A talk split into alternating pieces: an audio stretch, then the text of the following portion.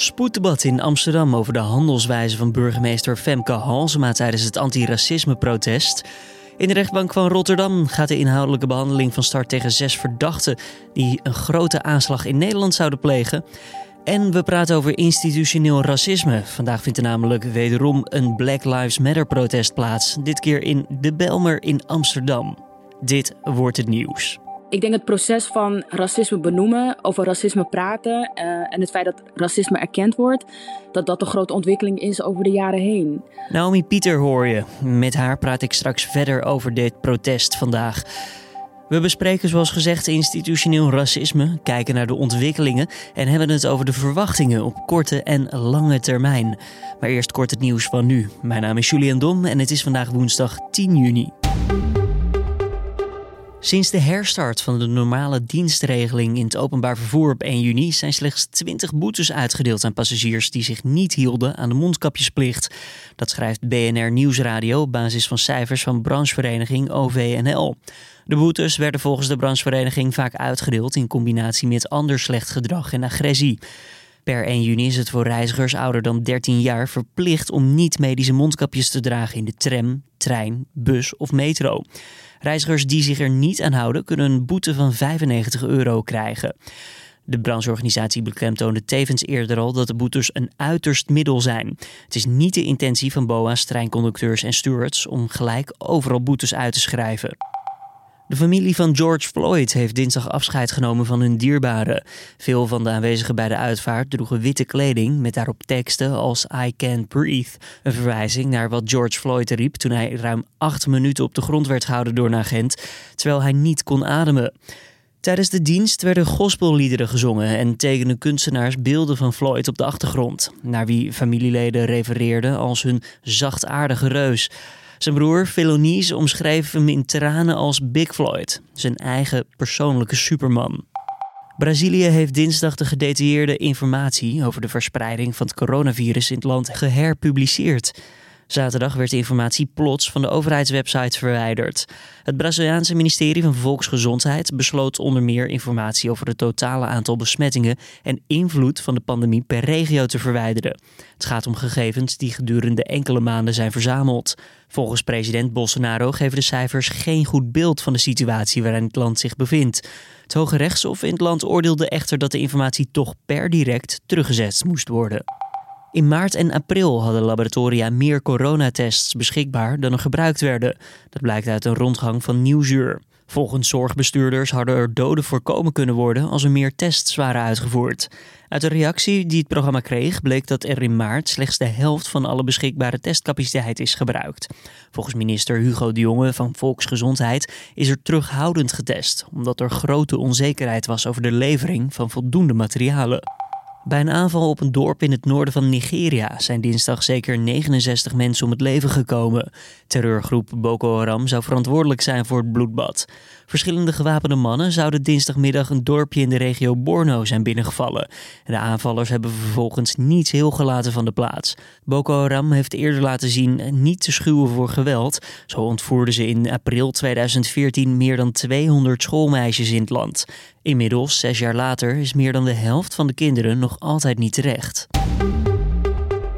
Dan ons gesprek van deze woensdag. Vandaag vindt er een Black Lives Matter protest plaats in de Belmer in Amsterdam. Aanvankelijk zou het protest plaatsvinden op het Anton de Komplein, maar gezien de verwachte drukte is een alternatieve locatie gekozen, het Nelson Mandela Park. En voor de beeldvorming, dit park ligt op ongeveer een kwartiertje afstand lopen van de Johan Cruijff Arena. Vorige week hadden we vrijwel dagelijks te maken met de protesten tegen racisme. Er werd toen ook veel gesproken en geschreven over de protesten in combinatie met het coronavirus. Hoe kon de veilige afstand tot elkaar gewaarborgd blijven? Deze ochtend wil ik het met je hebben over de aanleiding en dat is institutioneel racisme. En daarover praat ik met Naomi Pieter. Zij is de co-founder van Black Queer and Trans Resistance Nederland en mede-organisator van de Black Lives Matter protesten. Naomi, kan jij misschien uitleggen wat nou institutioneel racisme is en hoe zich dat bij ons in Nederland uit? Nou, institutionele racisme is uitsluiting of discriminatie van minderheden op basis van sociale instituties. Sociale, maatschappelijke, economische, medische instituties, moet ik zelf zeggen. Waar moeten we dan dus, aan denken? Uh, Uh, discriminatie op de arbeidsmarkt, uh, etnisch profileren door de politie. Um, dus echt mensen oppakken uh, op basis van hun huidskleur en daar ook beleid op maken. Dat ze expres, weet je, Marokkanen, Antillianen, et cetera, et cetera, oppakken. Omdat daar een soort van risicogroep zitten. Um, dus dat, dat zijn zodanige voorbeelden. Um, bepaalde ziektes van zwarte mensen niet serieus nemen of juist weinig onderzoek daarnaar doen. Um, Eigenlijk gewoon het achterstellen van de ene groep op de andere dus.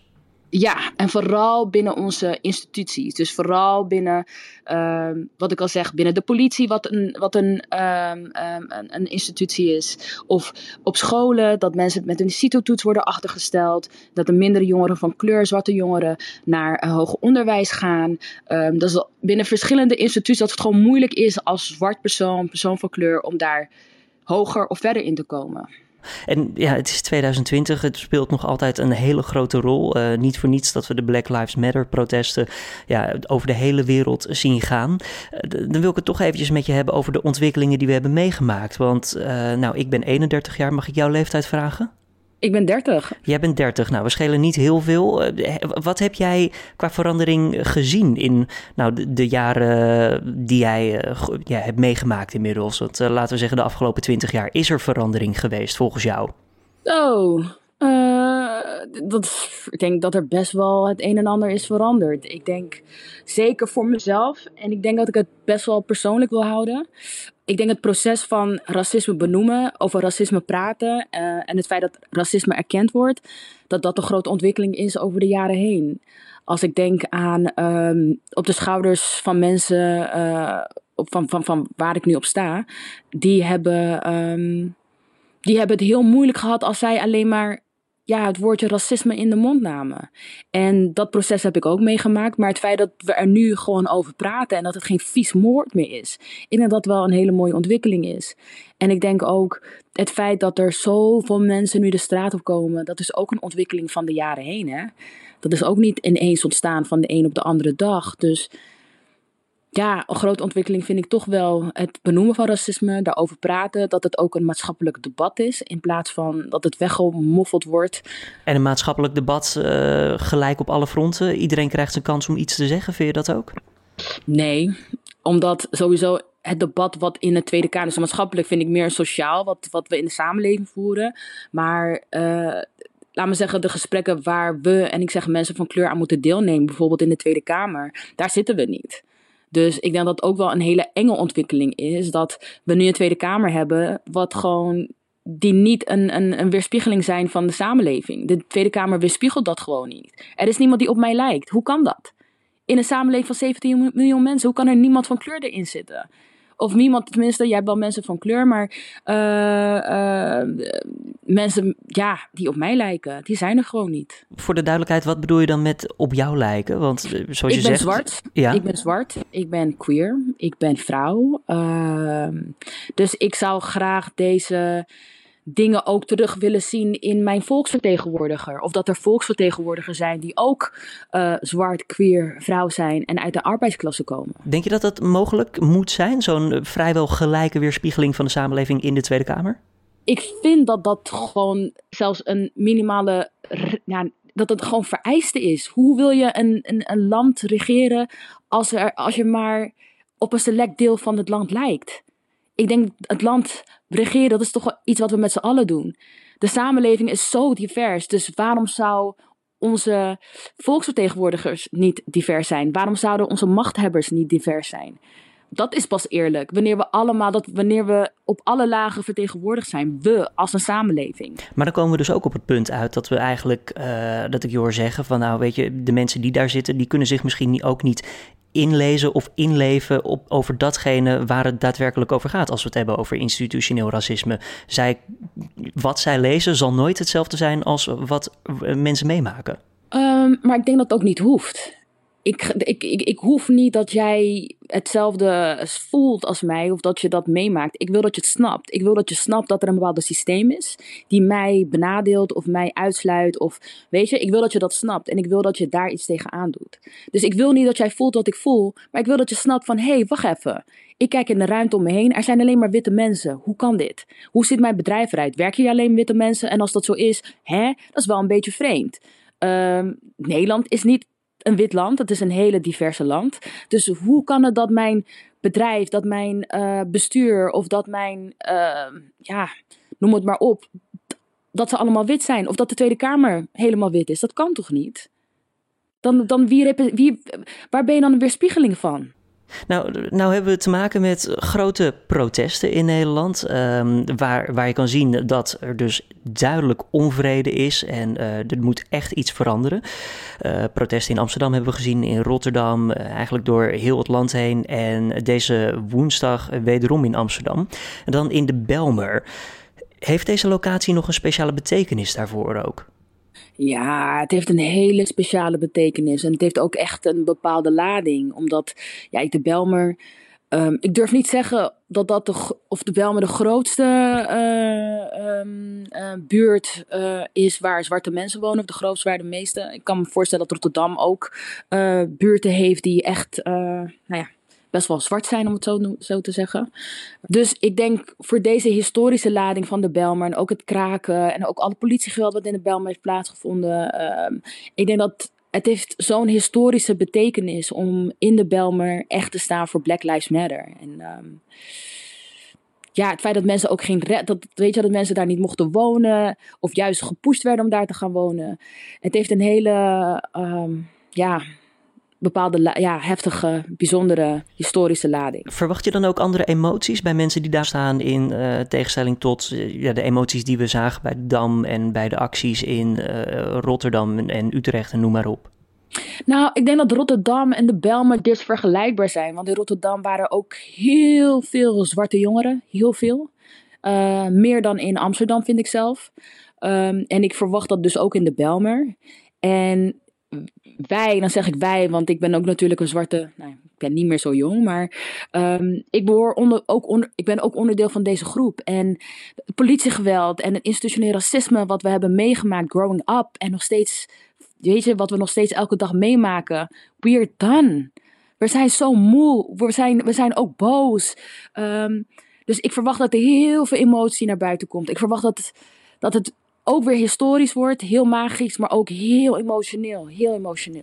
Heeft dat ook iets met de nieuwe generatie te maken? Want je, je noemde net al het woord jongeren. Zien we meer jongeren daar dan ouderen? Of laten jongeren harder en, en steviger van zichzelf horen? Komen zij beter voor zichzelf op? Nou, ik, ik moet heel eerlijk zeggen, voor mij, uh, ik, ik vind nu dat dat er meer jongeren zijn dan bijvoorbeeld wat ik tot nu toe heb meegemaakt met andere demonstraties in Nederland. Kijk, een Women's March, oké, een Klimatenmars, een Kick-Out Zwarte Piet Mars die zijn ook best wel gevaarlijk. Dus daar zijn ook niet veel jongeren. Hoe bedoel je gevaarlijk? Met... Als in echt daadwerkelijk geweld wordt daar gebruikt mogelijk, bedoel je? Uh, ja, jegens ons, jegens demonstranten. Dat hebben we de afgelopen jaren kunnen zien. Je had de aanslag in, uh, in, in, in Den Haag afgelopen jaar. KZP, tenminste de aanslag op KZP-meeting. Dat er vuurwerk naar binnen werd gegooid. Dat mensen naar binnen probeerden te, te stormen om uh, de vergadering te verstoren. Je hebt dat in 2018 dat er zeker wel tien demonstraties werden belaagd door pro-Pieters, nazi's en rechtsextrem, echt zo, rechts, wauw. Rechtsextremisten, ja. Ik kom ja. bijna mijn woord niet meer uit, omdat het zo'n lelijk ding ook is en het lelijke mensen en die lelijke dingen doen. Um, um, ik, misschien heb jij ook dat filmpje gezien van Vice toen in 2018, dat er um, eieren werden gegooid ja. naar de vreedzame demonstranten. Wederom geweld. je hebt de blokkeervriezen in 2017. Je, het, is, het is ook echt een hele waslijst, hè, als je het ja, zo opnoemt. Ja, ik kan echt. Ik, ik, oh god. Ik voel, ik voel dat je er, zeg ik het zo goed, emotioneel onder wordt. Uh. Ik word er heel. Het is zo frustrerend. Het is zo frustrerend. En. I'm so tired. Like, when is it gonna stop?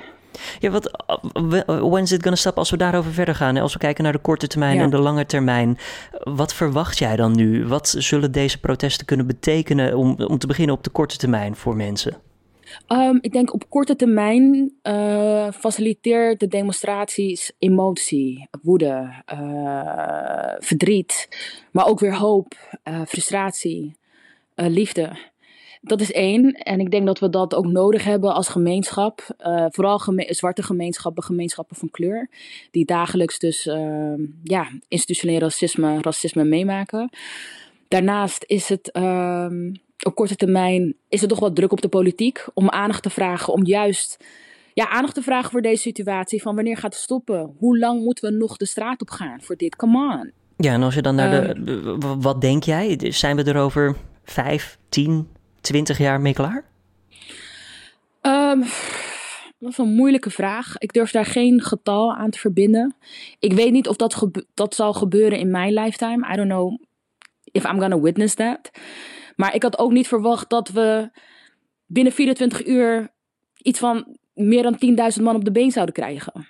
Dus ik, ik ben gewoon hoopvol over de toekomst en ik laat het gewoon over me heen komen. Maar ik hoop dat we deze energie vast blijven houden, zoals we die nu hebben. En dat mensen niet alleen in deze periode even antiracist zijn, maar dat voor, ja, voor de rest van hun leven blijven. Naomi Pieter, dankjewel voor deze toelichting en uitleg. Co-founder dus van de Black Queer and Trans Resistance Nederland en mede-organisator van de Black Lives Matter protesten. vanmiddag om vijf uur gaat het protest in de Belmer van start. Dan nog eventjes de nieuwsagenda voor deze woensdag. In de gemeenteraad van Amsterdam is vanmiddag een spoeddebat over de handelswijze van burgemeester Femke Halsema tijdens het antiracisme-protest op Tweede Pinksterdag. Volgens de oppositie en andere critici heeft zij niet goed gehandeld door het protest gewoon door te laten gaan, terwijl het er zo druk was dat de betogers geen anderhalve meter afstand konden houden. Dat debat dat begint waarschijnlijk zo rond 1 uur vanmiddag, maar pas s avonds wordt er gestemd over de motie van wantrouwen tegen Halsema.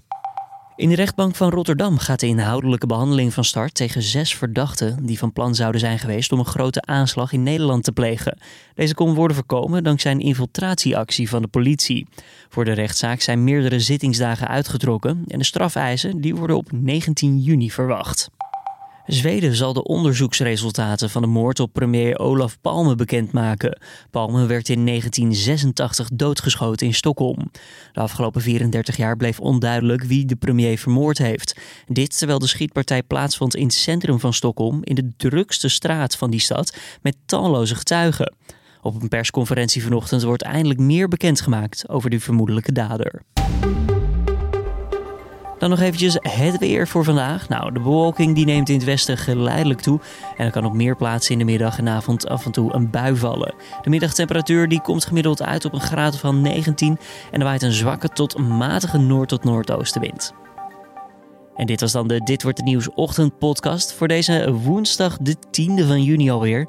Tips of feedback, zoals altijd, kan je naar ons toesturen. Doe dat via podcastapenstaartje.nu.nl. Dan wens ik je voor nu een fijne woensdag. Vanmiddag is mijn collega Carne van der Brink er weer. En tot morgenochtend voor een nieuwe ochtendeditie.